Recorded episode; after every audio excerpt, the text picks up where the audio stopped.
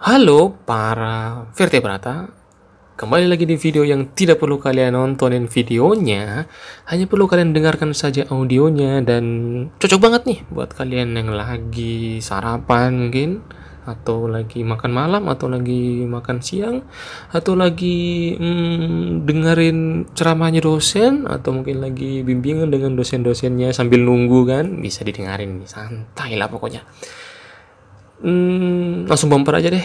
Kembali lagi di Yori Podcast.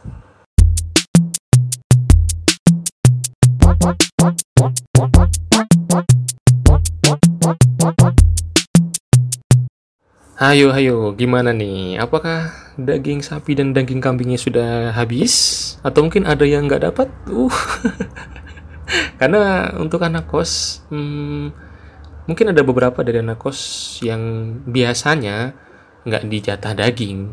Yang dijatah mungkin hanya warga-warga sekitar saja. Contohnya seperti hmm, apa ibu kos gua kan punya dua tempat kos nih. Ibu kos gua punya tempat dapat punya dua tempat kos dan yang satu itu yang kos yang satunya yang jauh dari kos yang sini yang gua tempatin sekarang itu nggak dijatah daging itu. Dan ada beberapa juga lah kasus-kasus di mana ada ada warga-warga yang tidak mendapatkan daging jadinya. Mereka mengamuk mengamuk. Oke oke. Kita akan membahas tentang sesuatu yang mungkin orang juga ngelakuin atau merasakan. Yang kita bahas adalah tentang pelupa. Ya pelupa Hmm, tapi kayaknya sebelum masuk pelupa gue pengen cerita dulu dikit deh. Kan tadi gue jogging nih. Jadi tadi pagi sekitar jam setengah enam itu gue jogging di sebuah lapangan yang mana lapangan kalian nggak perlu tahu. Jadi gue jogging dan gue melihat ada satu kejadian yang agaknya bikin gue itu mm, kesal, kesel iya, terus lucu ya dikit-dikit lah. Jadi ada kejadian di mana ada satu orang nih, satu orang nih laki-laki, dia itu make baju atau outfitnya itu, wah ya sudah outfit olahraga banget tuh. Mulai dari celana jogger, terus pakai jaket. Gue nggak tahu jenis-jenis jaket sih, tapi kayaknya jaket yang kecil itu loh, yang ngepres badan, terus pakai topi, pakai kaos kaki, pakai sepatu, pokoknya lengkap dah untuk orang jogging banget tuh. Yang jogging tanda kutip nih ya. Tapi dia itu datang pakai sepeda. Jadi dia datangnya pakai sepeda nih. Sepeda juga bagus nih. Kayaknya ya harganya di atas lah di atas UMR mungkin. Pokoknya sekitar segitu harganya. Dan yang dia lakukan adalah ketika datang dia itu langsung memarkirkan sepedanya. Setelah itu membuka HP mungkin hanya melihat jam ya. Akan tetapi setelah melihat HP ternyata langsung jalan. Ya, orang ini hanya jalan saja mengelilingi lapangan dan sambil memegangi HP. Maksudnya apa esensinya dia menggunakan seragam lengkap? dia menggunakan bukan seragam dia, dia menggunakan outfit olahraga yang lengkap sampai ke topi-topinya tapi hanya berkeliling kayak jalan sehat. Seperti bapak-bapak yang sudah kurang biasa lari masih syukur bapak-bapak masih bisa agak lompat-lompat dikit. Meskipun ya untuk laki-lakinya sini aku eh gue itu waktu lari berapa kali gue lambung tadi ya lapangannya kan gede itu. Ya sekitar lapangan bola lah. Taruh aja lapangan bola seukuran segitulah. Gue mutarin sekitar tiga atau empat kali dan orang itu belum belum satu putaran sama sekali. Jadi gue lari selama, selama tiga atau empat putaran itu orang itu belum sampai satu putaran. Dan hanya asik nunduk kepalanya sambil melihatin HP dan itu waduh ya bebas sih sebenarnya bebas. Kan itu hanya sebuah lapangan ya. Lapangan yang nggak harus orang datang untuk olahraga bisa juga orang santai-santai atau mungkin bakar-bakar di situ.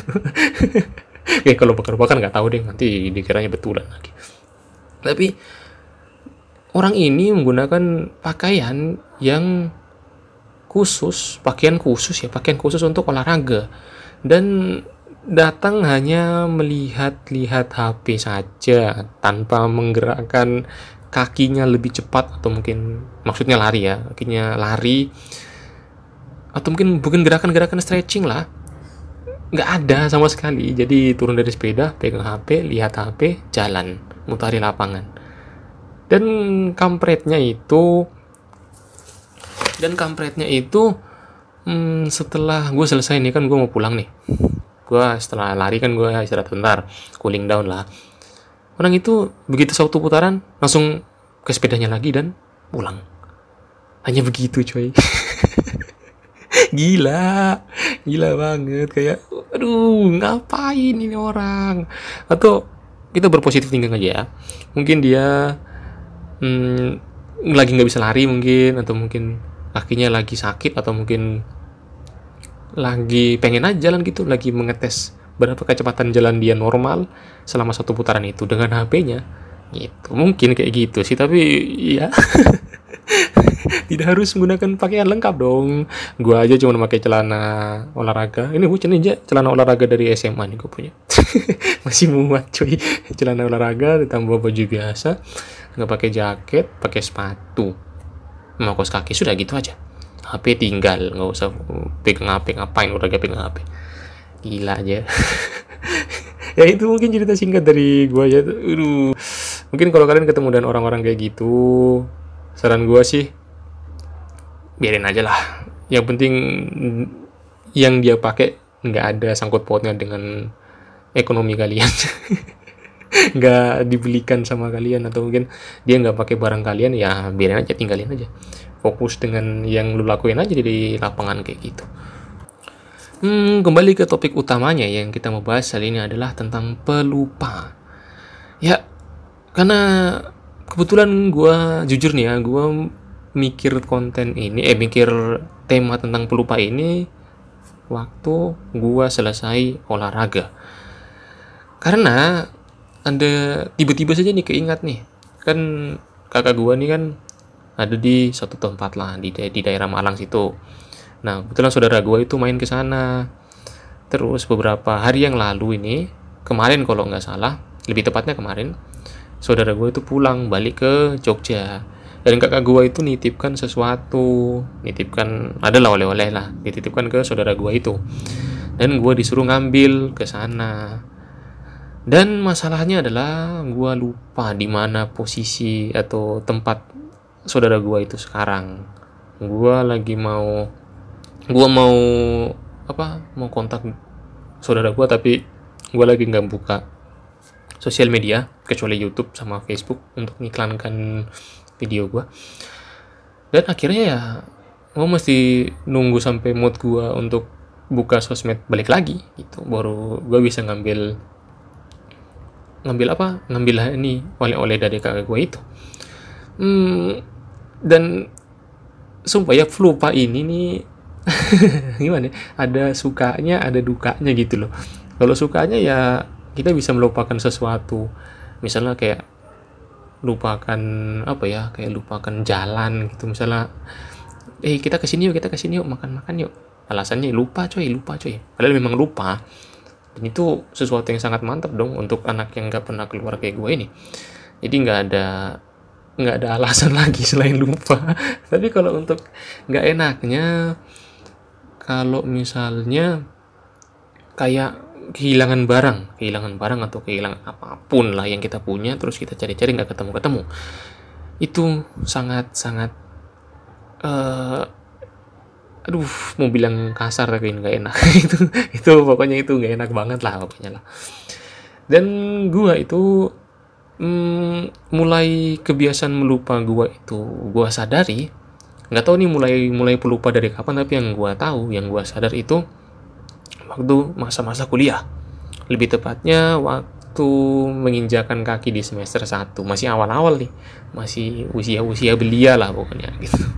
Jadi karena kos gua itu tingkat tingkat 2 dan gua kosnya di lantai satu gua kamarnya di lantai satu dan hmm, ada tetangga gue yang kamarnya yang kamarnya itu dijadikan base camp kamarnya dia ini dijadikan base camp. Jadi hampir tiap malam tuh kami ke atas nongkrong nongkrong ya meskipun gue tuh juga diajak sih diajak dipaksa biar katanya mendekatkan diri atau biar bisa akrab lah intinya kayak gitu. Ya gue ikut aja gue ke atas.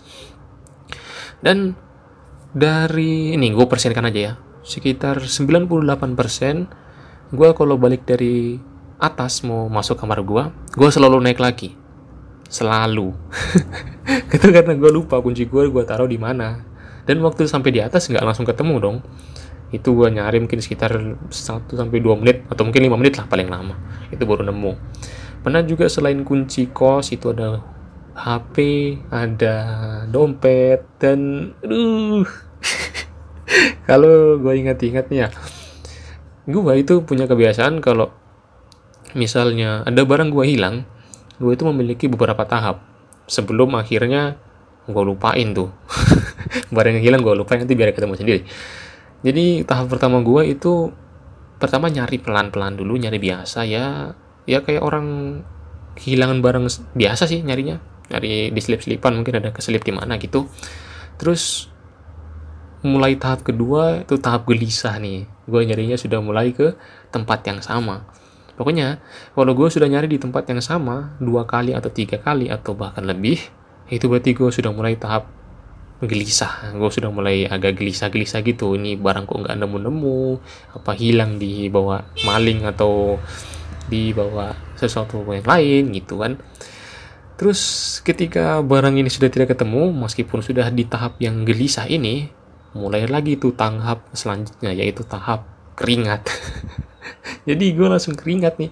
Dari mulai keringat di bagian punggung terus rasanya panas dingin.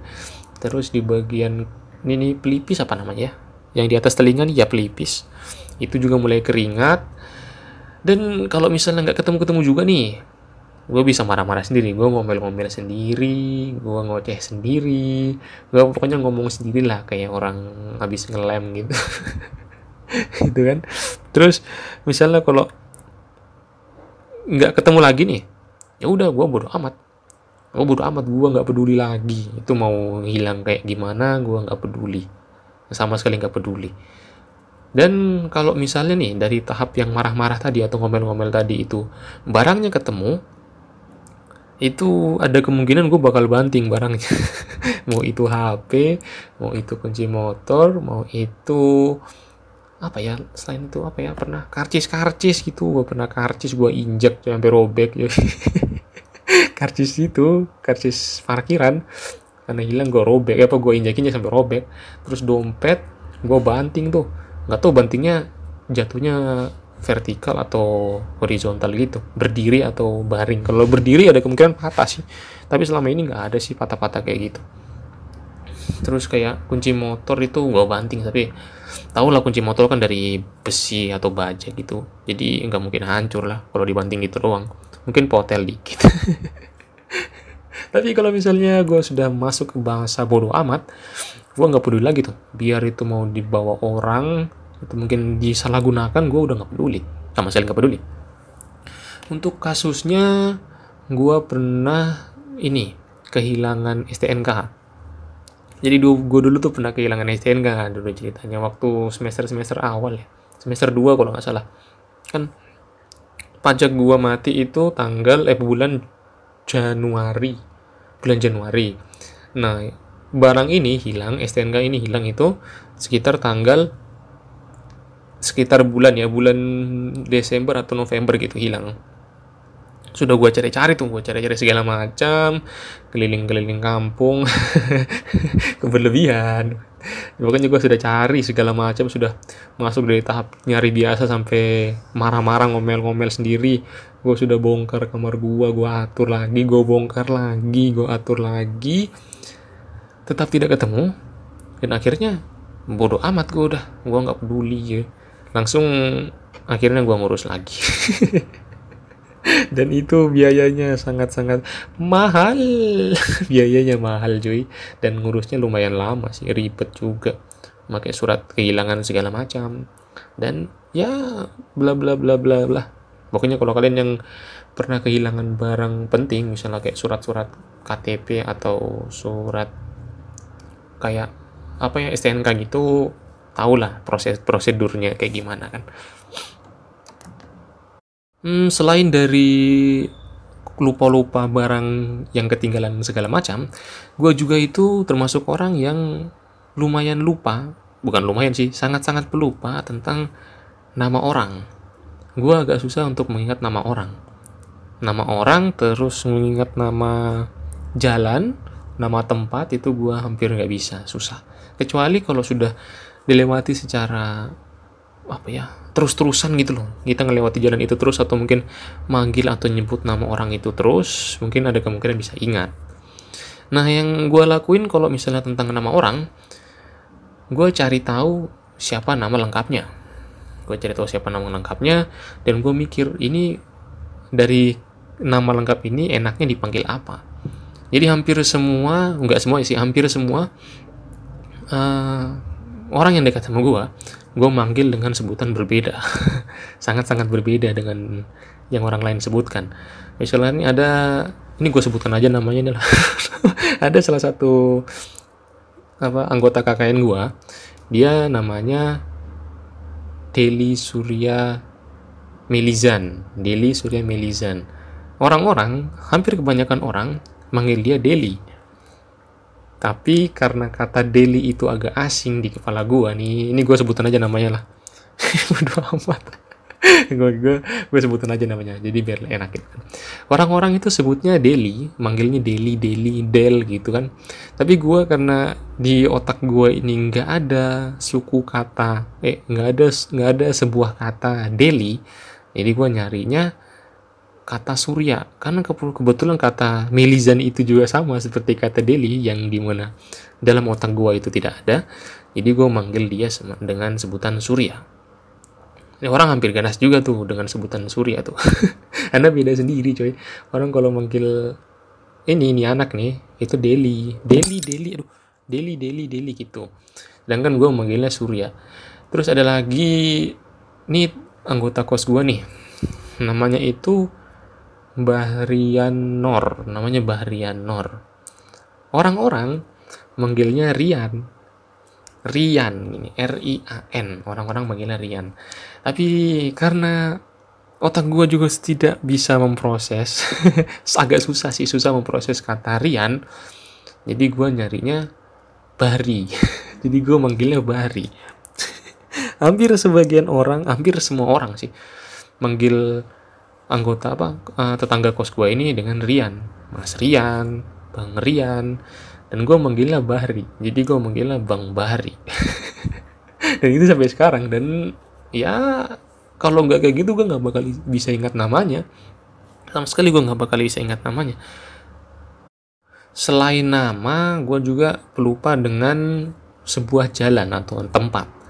Jadi ini juga bisa dibilang membuat orang ganas kalau lagi sama gua. Misalnya gue disuruh ke mana gitu ke tempat yang harusnya gua itu tahu.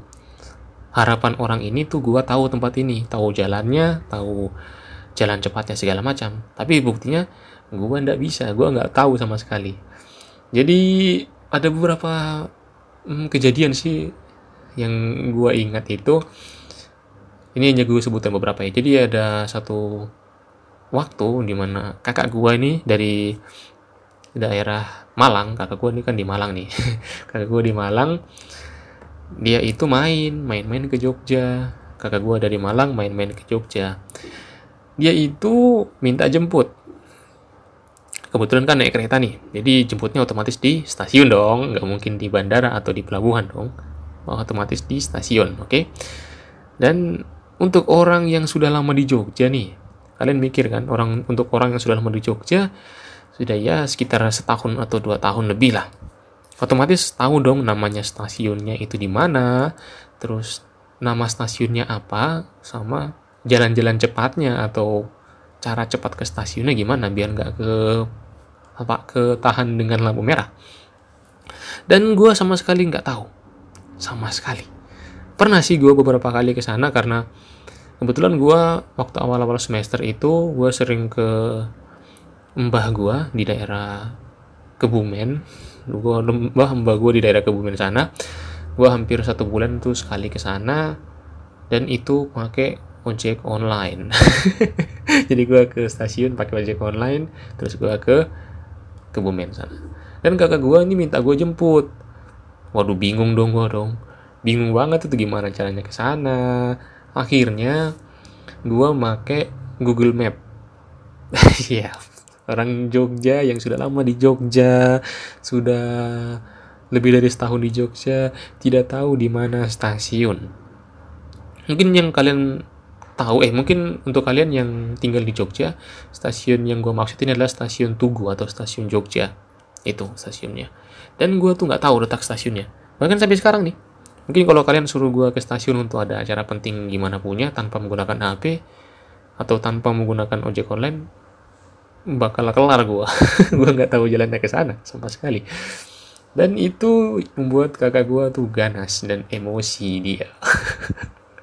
Jadi karena kakak gue ini orangnya temperamen ini ya orangnya tuh sering banget marah terus sama gue itu. Gara-gara itu masalahnya tuh. Jadi akhirnya gue pakai Google Map kan. Dan untuk kalian yang belum tahu nih tau lagi nih fun fact-nya nih gue itu nggak bisa baca map sama sekali nggak bisa buta buta arah gue gue tuh buta arah gue buta arah jadi solusinya adalah gue kalau naik atau pergi ke suatu tempat yang gue nggak tahu dan menggunakan Google Map, gue aktifkan directionnya atau petunjuk arahnya. Setelah itu gue pakai headset. Gue pakai headset tuh. Ah, bukan headset sebutannya sih. Ah, apa sih? Hands free yang kabel itu. Itu gue pakai itu. Gue colokkan di telinga satu. Lalu gue jalan. Jadi selama gue jalan tuh gue kayak ditemani dengan cewek gitu. Turn right, turn left. gue sampai hafal sampai hafal dengan suara ceweknya itu suara Google Map-nya itu dan selain itu menemani gue waktu perjalanan jadi gue bisa ke, tem ke tempat tujuan seperti orang yang sudah hafal jalan. Padahal ada handsfree-nya di telinga cuy. Jadi ya nggak masalah sih. Yang menjadi masalah itu karena Google Map itu apa ya mengambil jalan jalan jalan jalan besar. Kalau jalan kecil hampir nggak nggak hampir nggak dibaca sama sekali di Google. Jadi Google itu ngambilnya jalan-jalan besar. Meskipun ada beberapa apa ya gang-gang gitu dimasukin tapi nggak semuanya. Jadi ya gue selalu tertahan di lampu merah. Tapi menurut gue bodo amat sih yang penting gue sampai di tujuan sampai di tujuan dengan selamat gitu intinya. Dan waduh udah 20 menit bodo amat lanjut. Dan itu menjadi alasan gue juga untuk tidak ke tempat KKN gue bukannya gue sombong atau gue apa ya gue males mager gitu. Gue nggak gue sama sekali nggak gitu. Tapi gue itu ya sekali lagi gue nggak bisa ngapal jalan. Dan tempat itu tidak terbaca di Google Map. Sama sekali nggak kebaca. Memang sih kalau misalnya kalian cari daerah atau kecamatannya bisa dapat. Tapi dari kecamatannya atau mungkin dari desanya dari desanya nih dusunnya bahkan gue tuh nggak tahu di mana tempat gue KKN sebelumnya tuh gue nggak tahu. Lupa gue sudah udah ngeblank di kepala ini nggak ada sama sekali. Jadi hmm, ditambah lagi karena perjalanan cukup jauh ya kalau nggak salah itu sekitar dua jam mungkin dengan perjalanan dengan kecepatan normal dua jam. Dua jam itu itu sangat sangat melelahkan. Gue mikirnya kalau gue ke sana gue harus nginap harus nginap. Karena capek di jalan coy. Gila aja bolak balik 4 jam. Berapa balik 4 jam nih? Kalau misalnya gue berangkat pagi ya gue cuman nahan sinar matahari doang di sana. Habis itu pulang lagi. Dan itu buang-buang energi sangat-sangat membuang energi. Akhirnya gue nggak mau. Meskipun itu diajak dengan apa dengan rekan-rekan KKN gue yang sebelumnya karena mereka juga pengen ke sana tapi nggak mau nginap karena ya you know lah orang-orang yang kayak gitu. Tapi gue sebenarnya gue nggak gue nggak nggak sombong sama sekali. Gue cuman kendalanya itu gue nggak bisa ingat jalannya sama sekali. Sama sekali nggak bisa ingat jalan. Itu hmm, lumayan menguntungkan juga. Jadinya gue nggak perjalanan jauh. Sama merugikannya ya gue nggak bisa ketemu dengan bocah-bocahnya lagi. Karena kebetulan gue selama KKN itu gue dekat dengan anak-anaknya dibanding dengan remaja ataupun orang dewasanya. Jadi ya pengalaman gue hampir semua di anak-anaknya itu. Hampir semuanya cuy. Dengan bocah-bocah yang di bawah di bawah SMP SMP itu gue ladenin semua cuy. Kayak pedofil lah gue cuy. Hmm, selain itu juga selain itu tadi emang bukan selain itu juga selain itu tadi yang gue nggak bisa ingat barang-barang terus ingat jalan ingat nama gue juga bukan juga gue itu bisa gue sangat bisa mengingat cerita-cerita orang ataupun pengalaman. Jadi gue masih ingat nih dari awal gue masuk daftar KKN sampai sekarang gue masih ingat ceritanya sama sekali. Ingat-ingat semuanya ingat momen-momennya lah. Ya meskipun nggak persis tapi ingat inti-intinya. Dan itu hmm, lumayan lama untuk sampai sekarang bisa diingat itu. Apalagi gue masih ingat kejadian-kejadian SD meskipun orang-orang yang sekarang sudah samar-samar kalau di kepala gue namanya sudah tidak tahu siapa tapi momen-momennya itu gue ingat ingat sampai sekarang sampai saat ini. Itu kelebihan gue nggak tahu itu kelebihan atau mungkin orang lain juga kayak gitu gue nggak tahu. Tapi dari segi gue pelupa ini kelebihannya gue suka gue bisa ingat cerita-cerita orang cerita orang ataupun pengalaman-pengalaman pribadi gue dan mungkin itu juga yang bikin orang itu sering curhat ke gue jadi selama KKN itu ada yang laki-laki tuh sering curhat ke gue tuh tentang itu biniannya. Gue masih ingat cuy. Tapi ya itu namanya nggak tahu. Dan mungkin ada beberapa rekan KKN gue yang gue sudah lupa namanya. Mungkin harus ketemu terus nunggu ada yang manggil jadi gue bisa ingat lagi tuh. Siapa orang ini namanya siapa nih itu dan aduh nggak tahu maksudnya gimana nih otak gue kayak gini nih. Ada maksud tersendirinya kayaknya ya. Dan untuk cerita-cerita tadi nih gue jadi ingat sesuatu nih. Barusan gue keinget ini beberapa bulan yang lalu. Bulan lalu sini sekarang bulan Agustus. Sekitar Juni akhir. Juni bulan-bulan akhir. Gue itu main-main liburan ke Malang ke tempat kakak gue di ke tempat ke kosnya kakak gue di sana. Di sana sebelum bukan di sana di sebelum berangkat nih. Sebelum berangkat gue itu ke stasiun dulu karena kebetulan gue naik kereta jadi gue naik gue ke stasiun dan gue naik taksi online. Dan nggak tahu gua ini ngobrolnya sampai ke bawah suasana si sopirnya atau drivernya atau gimana. Jadi drivernya itu cerita. Dan ceritanya bukan cerita main-main bukan cerita tentang Jogja atau apa pun tapi beliau cerita tentang kehidupannya jadi beliau tentang cerita tentang keluarganya tentang ibu bapaknya tentang istrinya tentang anaknya semua diceritakan. Dan itu bagi gue sebuah uh, apa ya bisa itu kehormatan bukan sih kita dengar curhatan orang seperti itu tuh? Gue nggak tahu juga. Tapi bener orang itu si drivernya ini cerita sampai waduh. Sampai capek gue dengarnya. Bukan capek maksudnya capek nggak mau dengerin tapi omongannya itu berat omongannya sangat berat. Nggak tahu gue ngomong apa sebelumnya. Yang gue ngerasa itu omongan biasa omongan yang mungkin diobrolkan juga dengan apa customer-customer lain. Tapi tidak tahu itu drivernya ke bawah suasana dengan cerita gua atau lagi pengen curhat ke orang sembarang ya gua nggak tahu sih. Tapi kalau misalnya si driver ini lebih milih untuk curhat ke orang sembarang untuk bapak nih yang nonton nih gua lupa nama bapaknya siapa tapi saran gua jangan curhat-curhat masalah seperti itu ke orang yang anda baru kenal cuy bahaya. Untung yang ada ceritakan tuh ke gua dan gua nggak pernah bocorin cerita-cerita orang. Sama sekali gua nggak pernah. Ingat gua sih gua nggak pernah sih. Dan masih keinget sampai sekarang loh ceritanya itu. Sampai teringyang yang cuy. Ini orang kok bisa cerita kayak gini ke gua? Maksudnya apa? Gitu. Terus waktu gua ngadu ke kakak gua nih maksudnya ngadu ngadu berarti ngadu maksudnya gua itu kasih tahu ke kakak gua kalau waktu naik taksi online ini si drivernya ini curhat ke gua. Gua nggak beritahu isi curhatnya tapi intinya seperti itu. Dan kakak gua bilang gini wadaw itu kayaknya supaya kamu kasihan dengan drivernya. Waduh ini kakak gue nih mikirnya parah bener dah. Tapi kalau misalnya bener ya ndak apa-apa sih namanya juga trik namanya juga usaha gitu. Ya tapi meskipun gitu gue sudah setelah dengar curhatannya gue bayar sesuai aplikasi dong. Gue nggak merasa kasihan sih.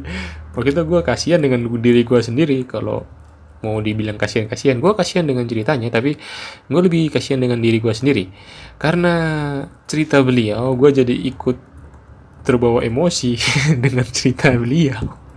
Yang di mana mungkin orang si driver ini belum cerita seperti itu ke driver-driver lain. Itu kalau mikiran gue jadi gue agak sedikit sombong karena cuma gue yang diceritain seperti itu. Waduh. Gue juga heran orang kenapa sering curhat ke orang kayak gue sih ini. Maunya apa? Coba orang no life itu nggak perlu. Ada orang apa yang di samping-samping itu nggak perlu. Udah hidup aja sendiri-sendiri sana itu maksudnya nggak usah lu ambil kesempatan buat jadi teman curhat doang. Kambing aja kau nih ya.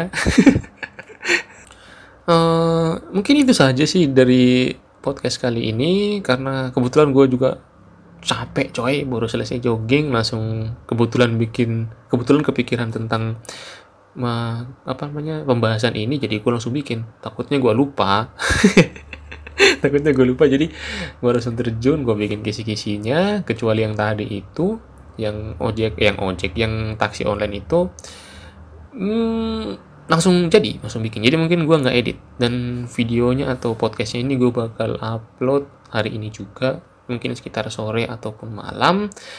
Pantengin aja di Facebook gua. Terus kalau Instagram gua mungkin masih belum aktif di Instagram sih tapi bisa di follow. Ya ya ya ya. Tapi kalau kayak sih teman-teman Instagram gua itu adalah teman-teman dari Facebook jadi nggak perlu. Kecuali ada pendengar apa pendengar-pendengar baru yang lagi yang pengen tambah followers yang yang pengen tambah following. Yang pengen tambah followingnya bisa nanti gue tentukan di deskripsi aja. Tinggal di apa Instagram kan apa ya di follow terus di kirim kalau kirim pesan apa sih namanya? Kirim pesan uh, eh, DM tinggal di DM aja. Karena gue nggak terlalu senang main Instagram. Jadi gue nggak tahu sebutan-sebutan Instagram apa. Pokoknya tinggal dikirim pesan lah direct message. Nah ya direct message aja. Terus mungkin kalian kasih saran atau mungkin tanya-tanya ke gue bisa. Tapi gue bakal balas langsung di DM itu. Nggak gue bikinkan videonya. Atau mungkin kalian mau usul untuk podcast berikutnya membahas tentang apa dan kalau misalnya pot, apa pembahasannya menarik mungkin gue bahas juga. Oke. Okay. terima kasih yang sudah mendengarkan ocehan-ocehan dari orang no life ini. Sampai bertemu di podcast berikutnya. Dan selamat tinggal. Dadah